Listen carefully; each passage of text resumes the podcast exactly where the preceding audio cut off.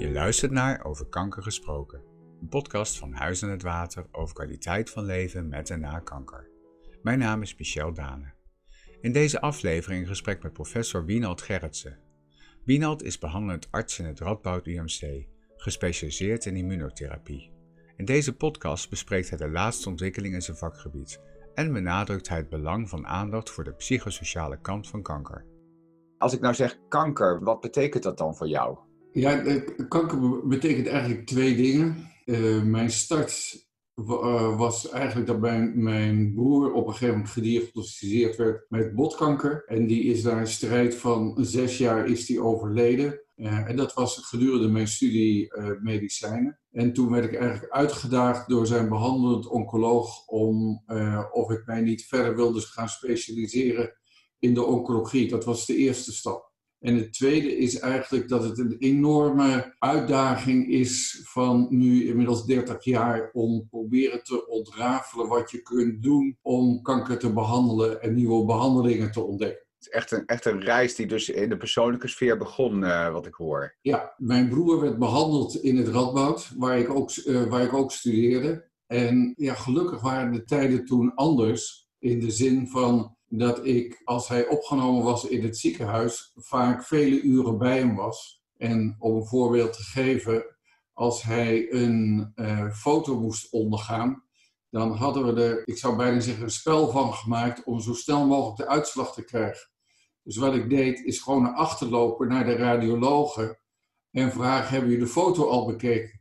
Dus eigenlijk voordat hij alweer terug was op zaal, hadden we de uitslag van de foto al ja, iets wat nu totaal ondenkbaar is. Maar ja. zo ging het in die dagen. Ja. En, en, en zo ben ik er eigenlijk een beetje uh, ben ik er eigenlijk ingerold. Heb, heb altijd veel uh, tijd doorgebracht. En later, toen ik co-assistent was en hij nog uh, behandeld werd, werd ik ook betrokken.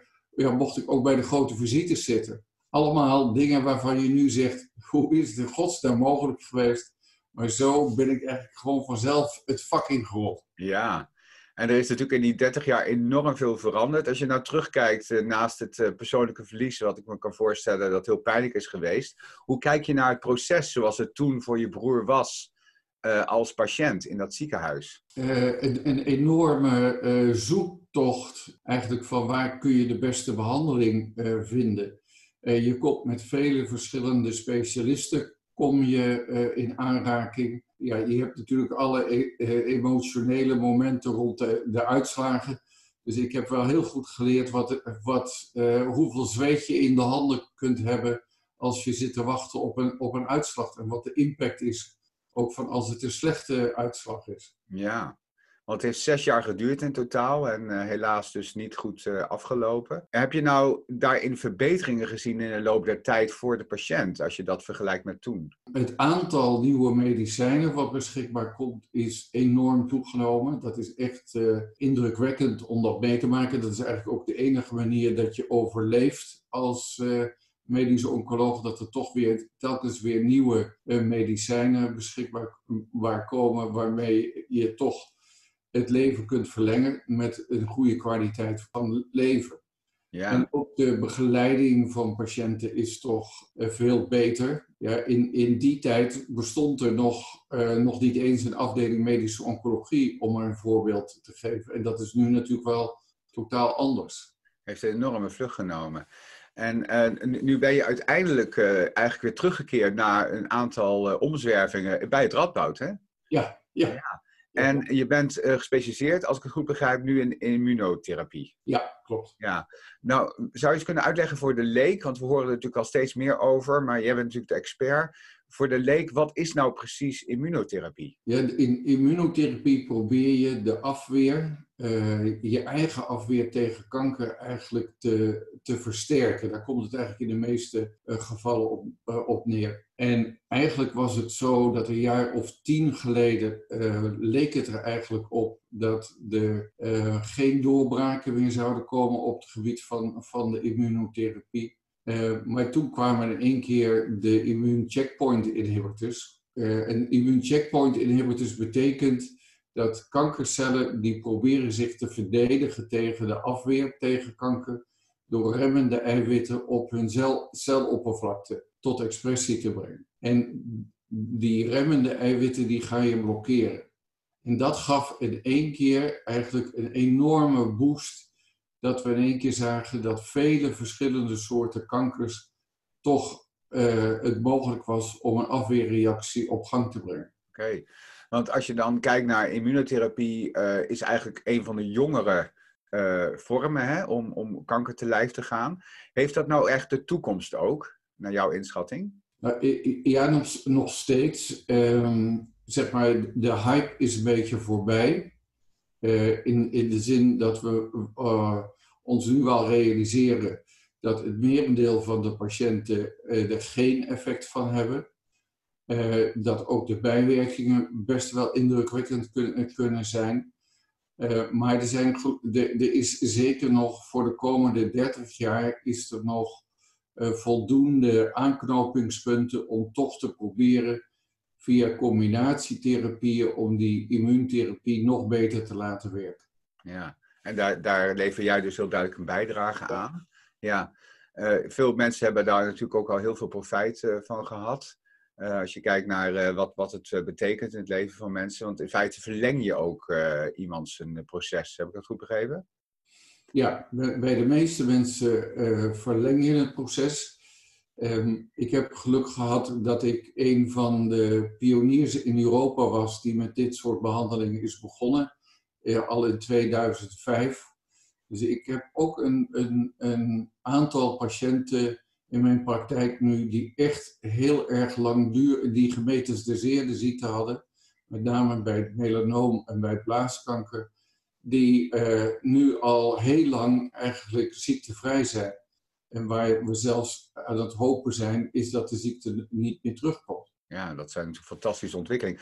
Want het is natuurlijk ook wel zo dat we horen dat steeds meer dat um, sommigen praten zelfs over kanker wordt een chronische ziekte, omdat het steeds vaker te genezen is, of in ieder geval goed mee langere tijd door te leven. Is dat ook jouw waarneming? Ja, dat, dat klopt. Uh, we kunnen de patiënten steeds langer behandelen en in leven houden. Uh, maar dat heeft ook een prijs voor, voor de patiënten. Uh, want zeker zeg maar, in de media wordt uh, altijd voorgesteld alsof dat iets ge geweldig mooi is. Dat je gewoon met een chronische ziekte leeft. Maar de geestelijke belasting is ook heel erg groot.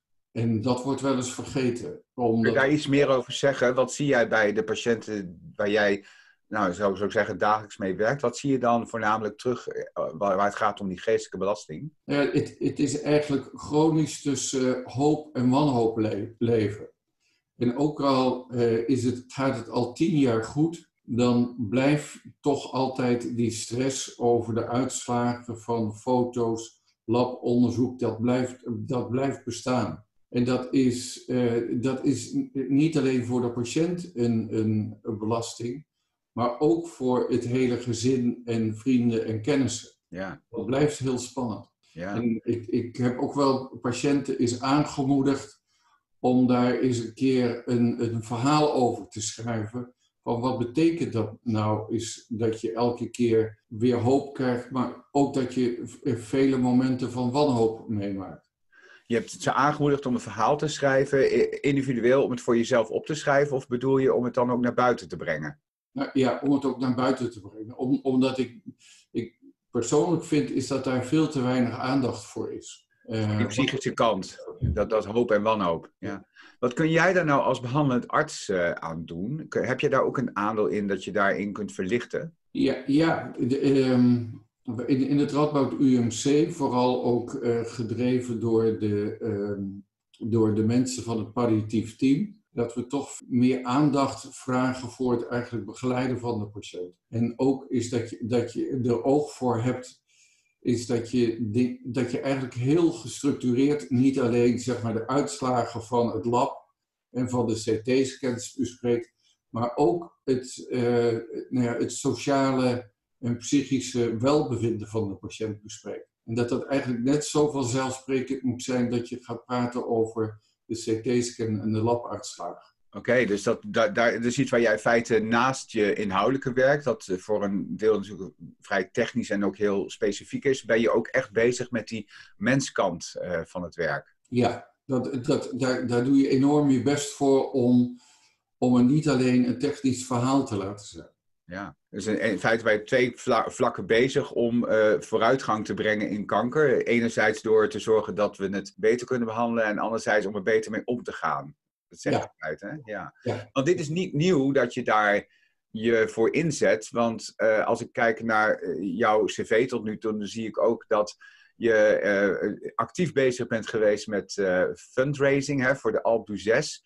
En ook, als ik het goed begrepen heb, dat je hebt bijgedragen om hier ook een leerstoel voor te creëren binnen het VU. Kun je daar iets over vertellen hoe dat is gegaan? Irma Verdonk, eh, daar hebben we op een gegeven ogenblik eh, een leerstoel voor kunnen, kunnen creëren om eh, inderdaad het mogelijk te maken is dat, we, dat het eigenlijk vanzelfsprekend zou worden is dat we het sociale en psychologische welzijn van patiënten zouden kunnen monitoren. En dat, dat is een tocht geweest die eigenlijk al uh, begonnen is toen ik staflid was in het Antonie van Leeuwenhoek ziekenhuis. Daar werd toen een keer gemeten hoe een patiënt zijn psychisch en sociaal welbevinden inschatte en hoe de dokter dat inschatte. En dat is later eigenlijk doorgelopen, dat onderzoek ook in het VUMC. En toen hebben we er vooral ook gekeken, is het, met, uh, is het niet mogelijk dat de patiënt eigenlijk al voor het doktersbezoek eigenlijk een vragenlijst invult,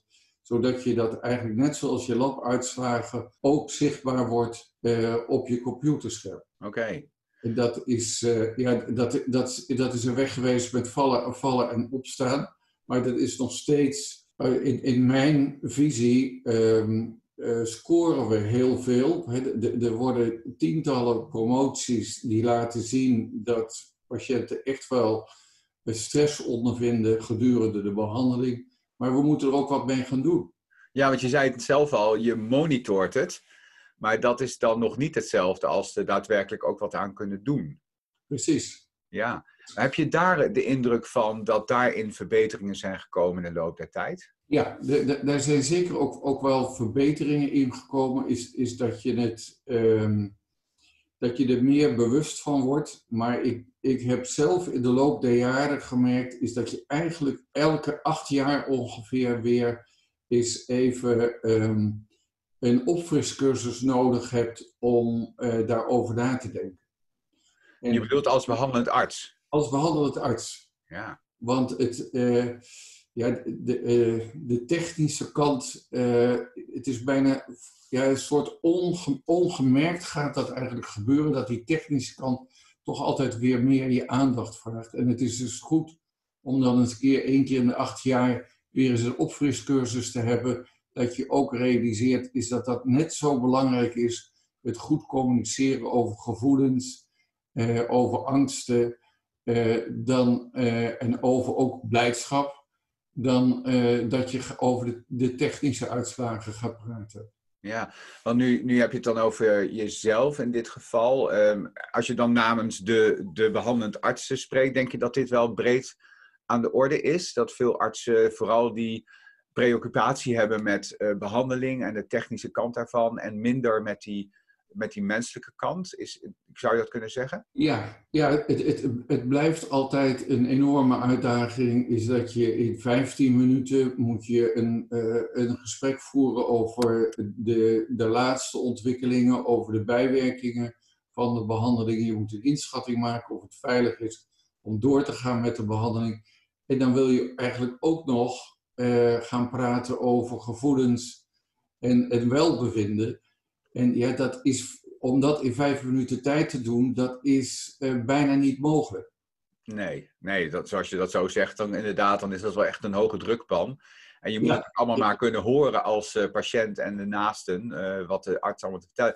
Want ik kan me voorstellen dat je wel realiseert dat wat jij zegt, dat dat grote impact heeft. Alles wat jij zegt op zo'n moment. Ja, ja. En, en het, het, mooie is ook dat, de, dat we, me, we hebben steeds meer case managers aangesteld. En vaak als we een, een uh, ja, toch wat, wat diepgaande gesprek hebben, En je moet dan toch het op een gegeven moment gaan, gaan afronden omdat de, de wachtkamer nog vol is. Dan kan een case manager de patiënt nog meenemen en nog bijvoorbeeld dus een half uur doorpraten over het, het welzijn van de patiënt. Ja, precies. Dat is een enorme aanwinst. Ja, ik kan me goed voorstellen. Ehm, en eigenlijk gaat dat nog een beetje breder. Als je een beetje de ontwikkelingen de laatste tijd uh, volgt, dan. we hebben net dat uh, de, de, de Nationaal Actieplan uh, Kanker en Leven gezien. Dan wordt daarin ook sterk gezegd vanuit de overheid, ook vanuit VWS, we moeten richting juiste zorg op de juiste plaats. En juist die nazorg, die zou dan niet zozeer in het ziekenhuis, maar veel meer in de eigen omgeving moeten plaatsvinden als uitgangspunt. En dat zouden we meer moeten versterken in samenwerking. Hoe kijk je naar die ontwikkeling? Dat is eigenlijk, denk ik, dat we daar veel te weinig aandacht aan besteden. De, de, uh, de druk um, op, de op efficiëntie in de ziekenhuisbehandeling zorgt ervoor dat patiënten steeds korter in het ziekenhuis aanwezig zijn. En, en dat betekent dat je, of bijvoorbeeld als je een ingewikkelde operatie hebt ondergaan, zoals een slokdarmoperatie uh, of een operatie voor keelkanker, ja, dan, dan uh, zodra je, als ik het oneerbiedig zeg, zodra je weer op je benen kan staan, mag je naar huis. Maar alle vragen over slikken, welk eten mag ik gebruiken, ja, dat soort dingen, dat moet je thuis allemaal eigenlijk uh, maar zien op te knappen. En in de eerste lijn ontbreekt het daar vaak nog heel erg aan kennis. Van hoe je dat dan het beste kunt begeleiden. Ja. Nu praat je over die meer technische kant, of ja, fysieke kant eigenlijk. Straks zei je ook dat die, die, die psychologische kant ook daarin uh, belangrijk is, in die, in die verwerking van dat je dit overkomen is. Hoe kijk je daarnaar? Is daar veel meer uh, oog voor gekomen, ook in de ondersteuning daarna, naar jouw indruk? Dat is er zeker. Maar daar moet ik ook wel een kanttekening bij, zetten. Mijn wens zou zijn, is dat we vooral veel aan preventie doen. Het, het is nu vaak de enige mogelijkheid dat je voor patiënten professionele hulp kunt inschakelen. Is als er echt een angststoornis is of een depressie is. En eigenlijk zou je het liefst dat we willen voor willen zijn.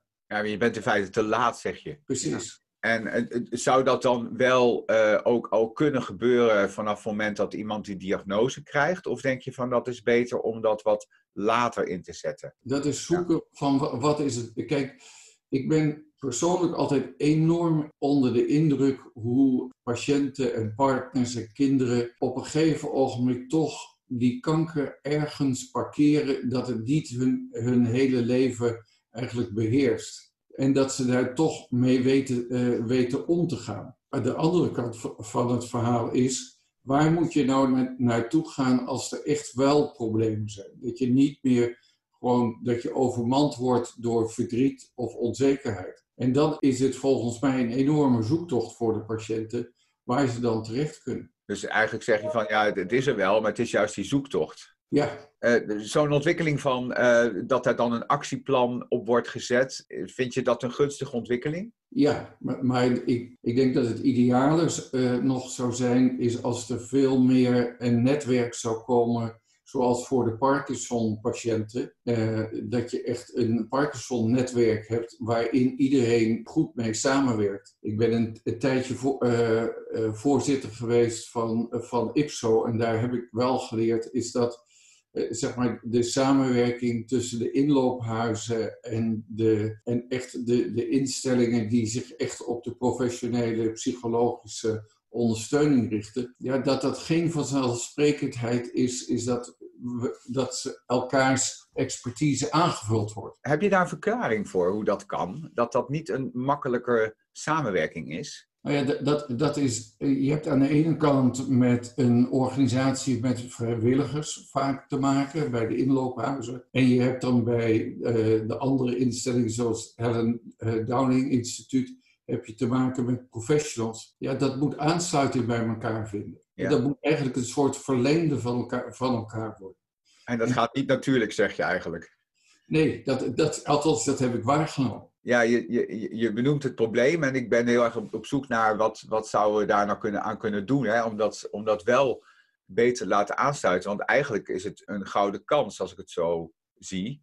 Dat, dat is dus die inloophuizen waar je zoveel vrijwilligers hebt die zo gepassioneerd helpen in deze processen, zou kunnen laten samenwerken met de professionals. En dat zou toch dan een hele grote verrijking moeten zijn voor de kwaliteit van leven voor de patiënten en hun naasten. Ja, ik denk dat de grootste belemmering eigenlijk is, is dat alle partijen worstelen uh, met hun inkomsten. Uh, de inloophuizen, maar ook een Helen Downing Instituut, die worstelen om uh, voldoende inkomsten te genereren. En daar gaat heel veel aandacht naartoe. Ja, als noodzaak, omdat er anders gewoon niet overleefd wordt als organisatie. Ja. Ja, nee, zeker. Die waarneming heb ik ook, absoluut.